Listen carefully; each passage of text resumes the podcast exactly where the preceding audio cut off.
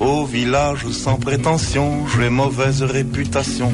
Je me démène ou que je reste quoi, je A veure, passe Santi, Malcolm, eh, després de el general Custer, que va provocar llàgrimes de, eh, d'emoció en diversos oients eh, a, a través de Shooter, que ens ho feien saber, aquesta setmana qui és el- l'execrable? Avui no és tan conegut, és un personatge semidesconegut de la història, un rei d'opereta que quedaria bé a les novel·les de Juli Verne o de Sissi. Hòstia, calla, perquè a més a més era cunyat de Sissi. I va exercir com el típic cunyat, que és el que era. Va embarcar-se com a titella de l'imperi francès amb una aventura estrafolària per ser, poca broma, emperador de Mèxic, eh? O sigui, el cunyat de Sissi, emperador de Mèxic. Ara us Els cunyats són molt importants. Cunyat, és el cunyadisme ve de lluny.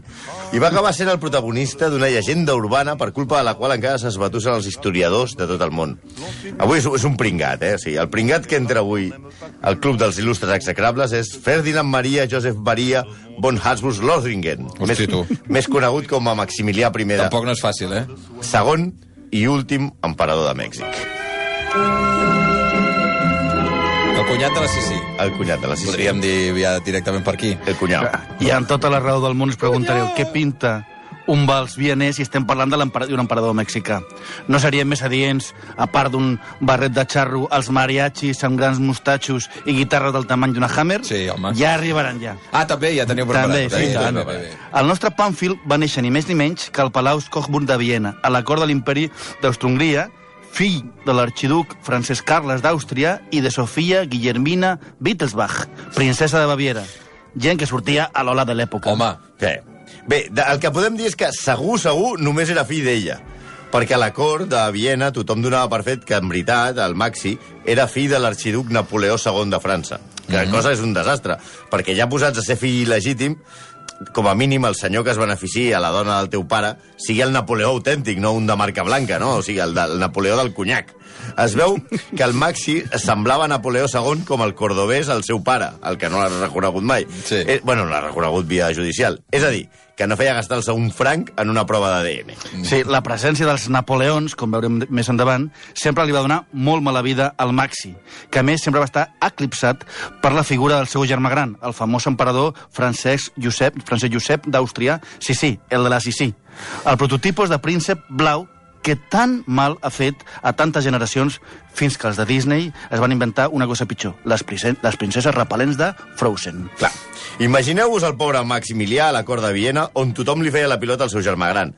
Podríem dir, perquè us entenguem, que Francesc Josep era Messi i eh, ell era cristiano. Uh -huh. Mentre el seu germà es dedicava a caçar per les muntanyes, als cèrvols, a, a inseminar camperoles Vinga. i a presidir desfilades de soldats que semblen els clics de Famòbil, ell es dedicava a estudiar art, lletres i idiomes. Ojo amb els idiomes, eh? Aquest home era important. Maxi. Sí, parlava francès, italià, anglès, hongarès, polonès, alemany i txec. Català no, eh? No, ja, però clar, ni castellà, i va acabar d'emperador a Mèxic. Ja és mala llet, eh? És mala llet que totes les possibilitats que tens Sí, per ser podia haver, emperador... podia, haver, podia haver manat a tots els països del món, però perquè els parlava tots els O idiomes. muntar una acadèmia a Berlitz, eh? però bueno.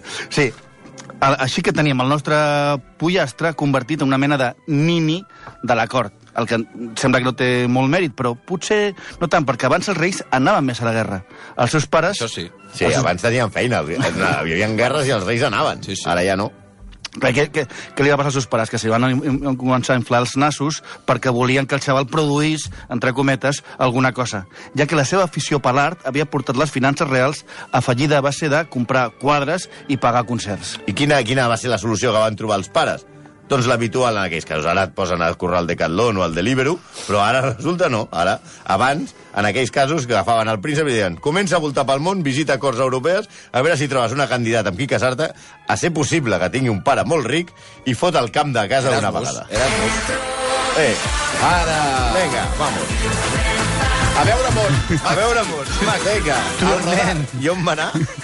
Tornem. I què pinta aquí la música brasilera? Us preguntareu? Doncs hi ha un motiu. Com que el tipus era nini però no tonto, va marxar a buscar núvia per les carres reals de tot el món. Però en lloc d'anar França, Espanya o Prússia, el Vivalis va decidir provar Brasil. Ah, Pels de l'ESO és el país de Neymar. Sí. Va, va, per favor. No, arribem fins aquí. No, no, Que- espera, espera. Aquí sí que L'informe. PISA ha millorat gràcies a nosaltres, eh? Sí, pensa que això de l'informe PISA l'hem l'hem arre- l'hem arreglat aquí, en aquest programa, eh? Ai, ai, ai. Aquí sí que ens hem de treure el, el barret. Conèixer Amàlia de Bragança, filla de Pere I de Brasil, que posteriorment seria Pere IV, Pere IV de Portugal. I s'enamora bojament i li diu als papis, tranquils, que em caso i seré el rei de Brasil. Va, els senyors vianesos que estaven vivint al Hofbrun no tenien ni idea de què els parlaven i on estava Brasil, però amb tal de que el tio marxés de casa lluny, qualsevol idea era bona. Però ja hem dit que aquest home no tenia fort. No tenia sort, perdó. La vida de, de Frank Spencer, no sé si se'n recordeu. Sí, aquella- oi. Home, N'hi ha que neixen estrellats. N'hi ha que neixen estrellats. E- És, és exitosa al costat de la, del nostre personatge d'avui, eh? Era un pringat total. Quan semblava que serien feliços amb l'Amàlia Braganza Sí. i menjarien anissos, va la noia, agafa la tuberculosi i es mor. Hosti, no fotis. Sí, però això estava molt de moda entre les àper No, va, a d'aquella veure, època. mo- de moda, a veure. Sí, no, morir-se si no, de tuberculosi, no eres quina moda, ningú també. si no et mories de tuberculosi escopint sang. Hosti, noi. Tornava a estar sense dona, ni ofici ni benefici, i el seu pare ja no li va deixar triar dona.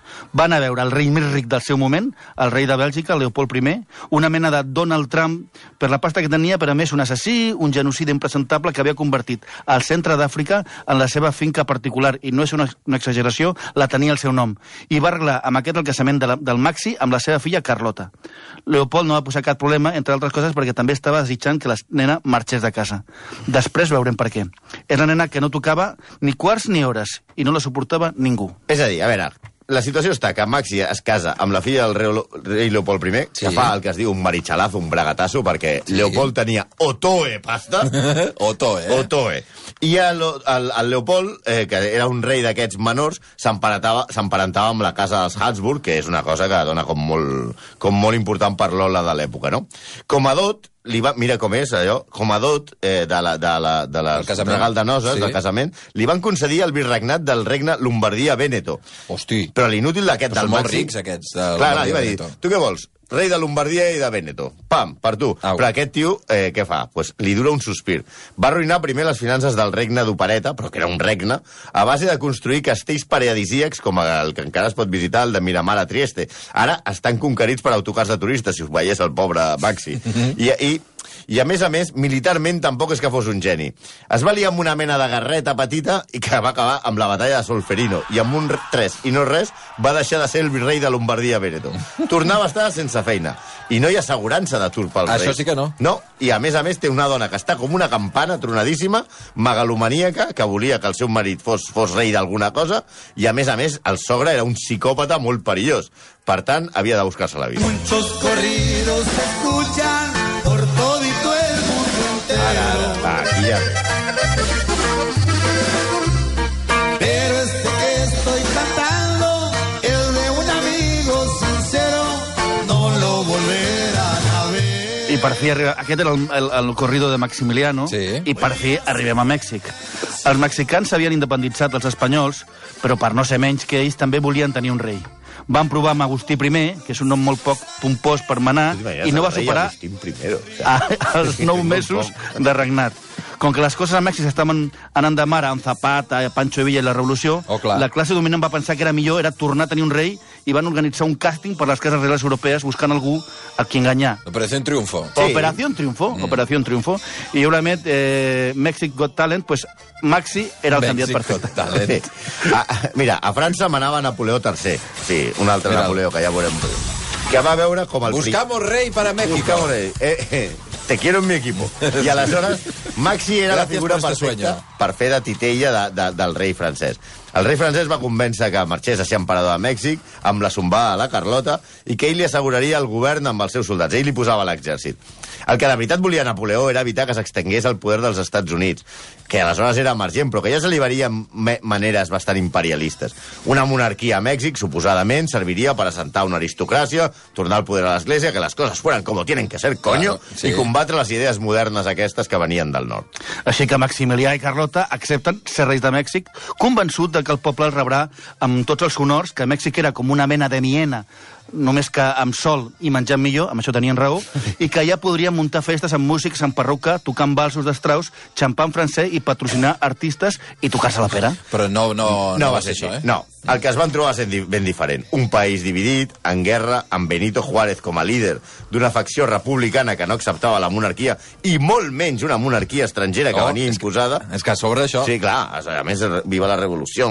I per si fos poc, Maximilià va seguir desentenent-se de les feines més avorrides del govern, diguem-ne, com ho de pagar la gent i aquestes coses, mm. i es va dedicar a la cultura, que era el que li agradava. I no, a part, a part de cardar, o sigui, només anava, es cardava la filla del, cardin, del jardiner, Ah. ah. eh, se'n anava a Cuernavaca a, a buscar senyores per Mèxic, i això sí que ho tenia, com era un home molt culte, muntava museus d'art precolombí. La majoria de museus d'art precolombí venen de la, de la seva època.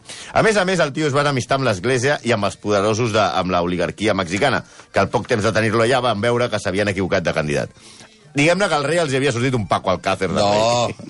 A sobre, Napoleó III va decidir que Mèxic i Nord-Amèrica no tenia res a pelar i va retirar les seves tropes franceses. En aquell moment, Maxi, que no estava fet pels problemes, decideix dimitir. Però Carlota li diu, abdicar és només acceptable en ancians o en imbècils. No és la manera d'obrar d'un príncep de 34 anys. Va. Ell va seguir el savi consell i la sort, la poca sort de Maximilià, es va acabar i va ser detingut al setge de Querétaro, on teòricament va ser afusellat al Cerro de la Campana, justament amb dos dels seus generals. I el tant que diem teòricament. Capítol. Per què? Misteris. Perquè Què teòricament... misteris? A veure, A, part de Querétaro, a part del misteri de Querétaro, que tots mm. coneixem, que són els quatre gols de Butragueño a Dinamarca, tenim, tenim el misteri, perquè parlem un cas molt estrany. Tothom es va creure que Maximilià va morir afusellat al Cerro de la Que Campana. m'heu dit, el van afusellar. Sí, i es van fer quadres amb l'escena, els, els podeu mirar per, per internet. Es van donar els detalls de les seves últimes paraules. Es va dir que va morir al Getas amb un rínxol de cabells de la seva ex, Amàlia de Braganza a la mà, mentre li dedicava un discurs a la seva dona. O sigui, que s'ha de tenir cara dura. Feia tot alhora. Tot alhora, un, fe, un fenomen. Però tots aquests detalls són mentida. Oh, Molts historiadors asseguren que no el van afusellar i que va viure després a El Salvador fins als 104 anys dient-se Justo Armas, oh. un misteri que... Com un enfront- Elvis. Sí, un misteri que encara enfronta historiadors historiadors a tor i dret en una grandíssima teoria de la conspiració. Una teoria d'aquestes que ens agraden molt. El comunitat del govern mexicà, mexicà després de l'afusellament deia el archipreste Fernando Maximiliano José de Austria ha sido hecho justo por las armas. Eh? Justo por les armes. Poc després del, de l'afusellament va... Perquè que es digui és així, després. Clar, jo crec que va agafar aquest nom i Ah. pues, el vaig a cagar. Després de l'afusellament va aparèixer al Salvador un tal Justo Armas, home d'extraordinaris modals, que va ser acollit pel govern format per maçons. De seguida, el tal Justo, Justo Armas es va convertir en assessor de tots els presidents del Salvador i en encarregat del protocol del govern. I no us ho perdeu, era un home que anava sempre impecablement vestit, però sempre anava descalç. Pel carrer o pel palau. Què dius? Sempre descalç. Descalç? Descalç, Increïble. sempre. Justo Armas explicava que anava descalç i va anar descalç 60 anys de la seva Però- vida però què dius? pel carrer o pel palau, o, o sigui, tu, tu el convidaves a casa i ell ja venia descalç. Vull dir, anava descalç. I Almenys explicava... Bé, si no li feia furtó Evidentment, peus, la gent li preguntava, perquè un, i a més a més el tio vestit de smoking, de, de gala. Per què descalç? Perquè ell explicava que era el supervivent d'un naufragi misteriós i que li havia promès a la verge allà enmig del mar que si salvava el cul aniria sempre sense sabates, com una promesa. De seguida, clar, vam començar les sospites de que el tal Justo Armas era Maximilià vivint una altra vida. La hipòtesi és que el president Benito Juárez, que, que era maçó, també com Maxi, li va perdonar la vida a l'últim moment i que no el va fusellar. Que ell podia matar l'emperador, però no podia matar l'home, que era un company de masoneria. Mm -hmm. Com Segons algunes versions expliquen que el, el batalló d'afusellament de Maximilià el va, no el van formar soldats, el van formar camperols que en la seva vida havien vist a l'emperador. Doncs eh, què va passar? Van pelar-se un pobre desgraciat en lloc del Maxi. Home, és que a aquesta època canviaves un personatge Sí. per un altre i no passa Clar, res. tot molt bonic i molt, molt romàntic, menys pels dos generals seus que sí que els van afusellar. Això sí. I el pobre pelacanyes aquest que va acabar passant pel Maxi. Sí, aquest també. Que aquest també té una cosa que ningú se'n recorda d'ell. Ah, Els defensors d'aquesta teoria de la conspiració argumenten muntanyes de proves a favor de que Justo Armas era l'emperador. Que la seva mare no, el va, no va reconèixer el cadàver, que set mesos després devia estar fet caldo, això és la veritat. Li van enviar set mesos després el cadàver a Viena. Reconeixements d'ADN amb parents llunyans actuals com el príncep Felip d'Edimburg demostrarien que Justo Armas era l'emperador. Testimoni del personal de l'hotel on vivia que asseguren que abans de la Primera Guerra Mundial uns agents secrets li van tornar a oferir el tro de l'imperi i els van llegar a pastar. Home, tu diràs, ara ja, que ara que sóc justo armes, ves que em Home, busquin. i, I a més tenia 90 i sé quants anys. que tenia la mateixa coberteria i la mateixa caixa de raper que en Maxi. En definitiva, un novel·lón per fascicles. I la pobra Carlota? Home, Ui, clar, és clar. el que falta aquí. Us preguntareu, aquesta, aquesta és la que va acabar pitjor, però gairebé pitjor que el que van afusellar en lloc del seu marit. Abans del suposat afusellament, va anar a Europa a veure si podia convèncer els monarques que li havien donat eh, recolzament en un inici que tornessin a recolzar el seu marit. Però com estava com un llum de ganxo realment, ho va fer muntant unes escenes surrealistes. Dormia al carrer, estava obsessionada en que la volien enverinar totes, a totes hores. Va acusar a Eugènia de Montijo, la dona de Napoleó III, d'emmetzinar-la amb un suc de taronja al Palau. A la van veure, hi ha de- sucs de taronja que també són uh, gairebé verí, eh? eh, sí, però clar, Si agafa un avió. no, no hi havia, no? Exacte. I la, i la van fer de fora Palau. noi. Però fins i tot, per aconseguir recolzament, van a veure el papa Pius IX, que es diu Pio Nono, per ajudar a buscar, per, per, per, per buscar ajuda, i va tenir un atac de psicopatia a la recepció davant del Sant Pare, dient que era per culpa de l'aigua de les fonts de Roma que estava enverinada només per ella. Tan forta va ser l'escena que li va muntar el papa que es va, quedar, es va haver de quedar a dormir a la Biblioteca Vaticana. A dia d'avui... Però no va dir mai, mira lo que ha hecho la cochera de tu hijo. No, Ah, a dia d'avui encara Carlota és l'única dona a la història que ha dormit al Palau Papal, que se sàpiga, clar. Mm. El papa expliquen què va dir amb una gran empatia amb la dona, diu res és fàcil per mi a la vida. Ara una dona es torna boja al Vaticà. Com dient, què coses passen? Això amb Sant Pere no passava. M'encanta això que sigui Piu no, no, i l'emperador sí, sí. Bueno, Sí. deixant a banda Va. que, que la senyora ja de petita estava una mica grillada, sembla que es va acabar de fer malbé quan la seva estança a Mèxic va dedicar-se a provar bolets al·lucinògens. Concretament, el bolet Teyuniti, conegut com la carn dels déus. Potser això a l'ESO sí que ho saben. Sí. En petites dosi dona un viatge, en sobredosi et deixa com Sid Barrett, el que va fundar Pink Floyd.